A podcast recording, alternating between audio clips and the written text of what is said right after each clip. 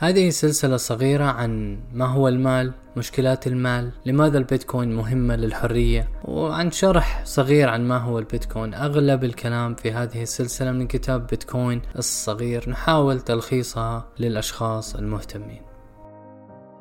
سلام ما مشكلة المال اليوم؟ في عام 81 في مانيلا يستقبل زوجان شابان فلبينيان طفلهما الأول إلى العالم مباشرة بعد أشهر من رفع الأحكام العرفية رسميا لأول مرة منذ عقد من الزمن.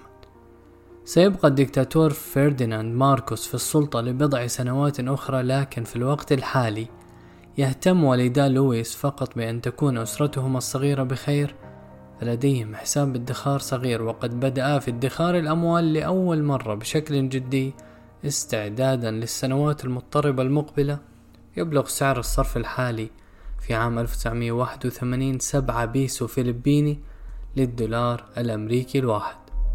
عام 1993 في لاغوس يستولي الجنرال النيجيري ساني أباتشا على السلطة ويثبت سعر الصرف الدولار الأمريكي الواحد بقيمة 22 نيرة نيجيرية. كانت تلك خطوة صارمة تهدف لتحقيق الاستقرار في الاقتصاد عن طريق منع المزيد من الانخفاض في سعر النيرة. يؤدي سعر الصرف المثبت إلى نمو اقتصاد سري متذبذب يتم فيه تداول النيرة أو النير بقيمة أقل بكثير عندما توفى أباتشا في عام 98 كانت الدولارات تستبدل في السوق السوداء بسعر 88 نيرة. يعني الرئيس ثبتها على 22 في السوق السوداء 88 أي ما يقارب أربع أضعاف السعر الرسمي الحكومي. عانى الملايين من الناس لأنهم لم يعودوا قادرين على تحمل نفقات الطعام الآخذة في الارتفاع وهم يتقاضون رواتبهم الحكومية الثابتة.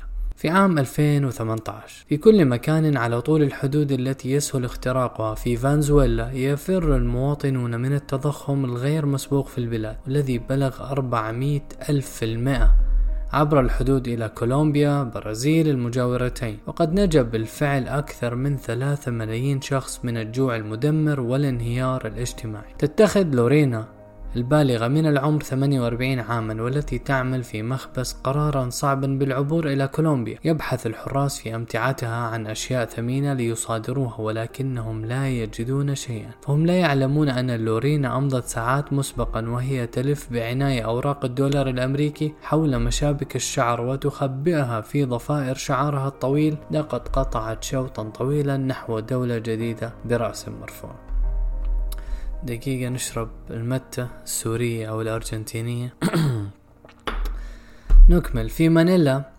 يرى والد لويس حظهما وهو يتحول إلى الأسوأ. يبلغ سعر الصرف الآن 50 بيسو فلبيني مقابل الدولار, الدولار الأمريكي الواحد. يعني كان بال 93 أو 81 تقريبا 7 اليوم حوالي 50 بيسو مقابل الدولار الأمريكي الواحد. وقد أدى التوفير الطويل الأمد على مدار السنوات إلى خسارة إجمالية تقدر بأكثر من 80% من ثروتهم. نفس العائلة والدا لويس. ومع تقاعدهم الوشيك فليس لديهم لديهم خيار سوى مواصلة العمل والادخار من أجل مستقبل لا يرحم ولا يمكن التنبؤ به. طبعا حاليا البيسو في عمل أثناء عملي لهذا البودكاست تقريبا 41 للدولار الأمريكي. بيلاغوس مرة أخرى لنيجيريا تمر عملة النيرة بفترة قصيرة من الاستقرار النسبي بعد خسارتها 50% أخرى من قيمتها مقابل الدولار في بعض سنوات فقط. وقد ارتفعت أسعار السلع المحلية بشكل هائل مرة أخرى. لا أحد يثق أن باستطاعة الحكومة منع حدوث أزمة اقتصادية أخرى ولا حتى المسؤولين الحكوميين أنفسهم. نروح لعام 2019 في شنغهاي تتراسل أخصائية شابة تدعى آني مع أحد أصدقائها على ويتشات. منصة التواصل الاجتماعي الشهيرة التي يستخدمها يوميا أكثر من مليار صيني. يخبرها صديقها أنه يواجه مشكلة بسبب تدخين الماريجوانا وفي منتصف المحادثة توقف صديقها فجأة عن الاستجابة لرسائلها. في اليوم التالي زار اثنان من ضباط الشرطة بملابس مدنية آني في مكتبها وطلبوا منها الحضور معه. رآها زملائها وهي تغادر ومن ثم اختفت عدة أسابيع. وعندما عادت أخيرا إلى شبكة الإنترنت وجدت أنها فقط فقدت بعض ميزات ميزات الدفع الخاصة بويتشات ومن ثم لم تعد قادرة على شراء أغراض كثيرة مثل تذاكر الطائرة قطار وقد خفض مستوى الجدارة الائتمانية لها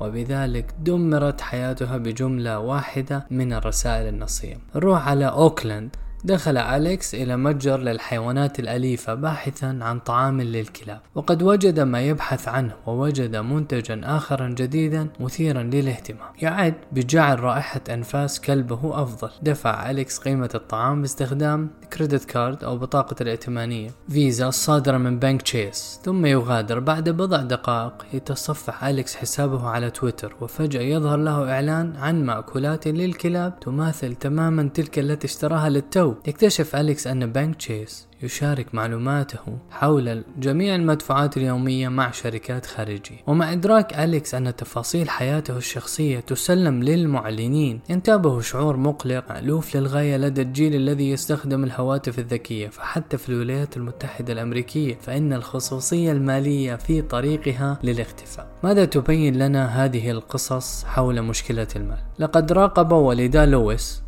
الفلبينيين وملايين آخرين من الطبقة الوسطى الفلبينية والنيجيرية مدخراتهم وهي تتبخر ببطء على مدى جيل واحد. احتاجت لورينا إلى وسائل لنقل مدخراتها الضئيلة إلى منزل جديد في كولومبيا دون أن يصادرها أحد.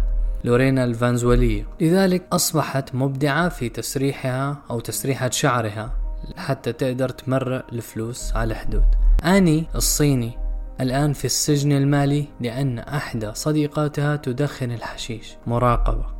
تخضع مشتريات أليكس الأمريكي للمراقبة وإعادة بيعها للعديد من الشركات مع كل دفعة من بطاقته ولا تعتبر هذه الحالات فريدة من نوعها مثلا منذ عام 2000 فقدت جميع العملات تقريبا قيمة كبيرة مقابل الدولار الأمريكي. فقد خسرت الكثير من العملات مثل الراند الجنوب أفريقي البيسو الأرجنتيني الليرة التركية الكورونا التشيكية ما يقارب 50% من قيمتها. عام 2000 يعني اليوم في عام 2023 و22 يتكرر تقريبا نفس السيناريو. وفقدت مجموعة أخرى سيئة الحظ مثل الهريفنيا الأوكرانية والبيسو الدومينيكي ما يصل إلى 70% من قيمتها وحتى الدولار الأمريكي واليورو فقدا 33% من قوتهم الشرائية خلال هذه في جميع أنحاء العالم يكافح 250 مليون مهاجر ولاجئ لإرسال أموالهم إلى الوطن أو نقلها معهم إلى حدود جديدة ولا يملك نحو ملياري شخص حسابات مصرفية أو ممكن يفتقرون إلى الأوراق الثبوتية الرسمية المطلوبة للحصول على حساب بنكي. في عالم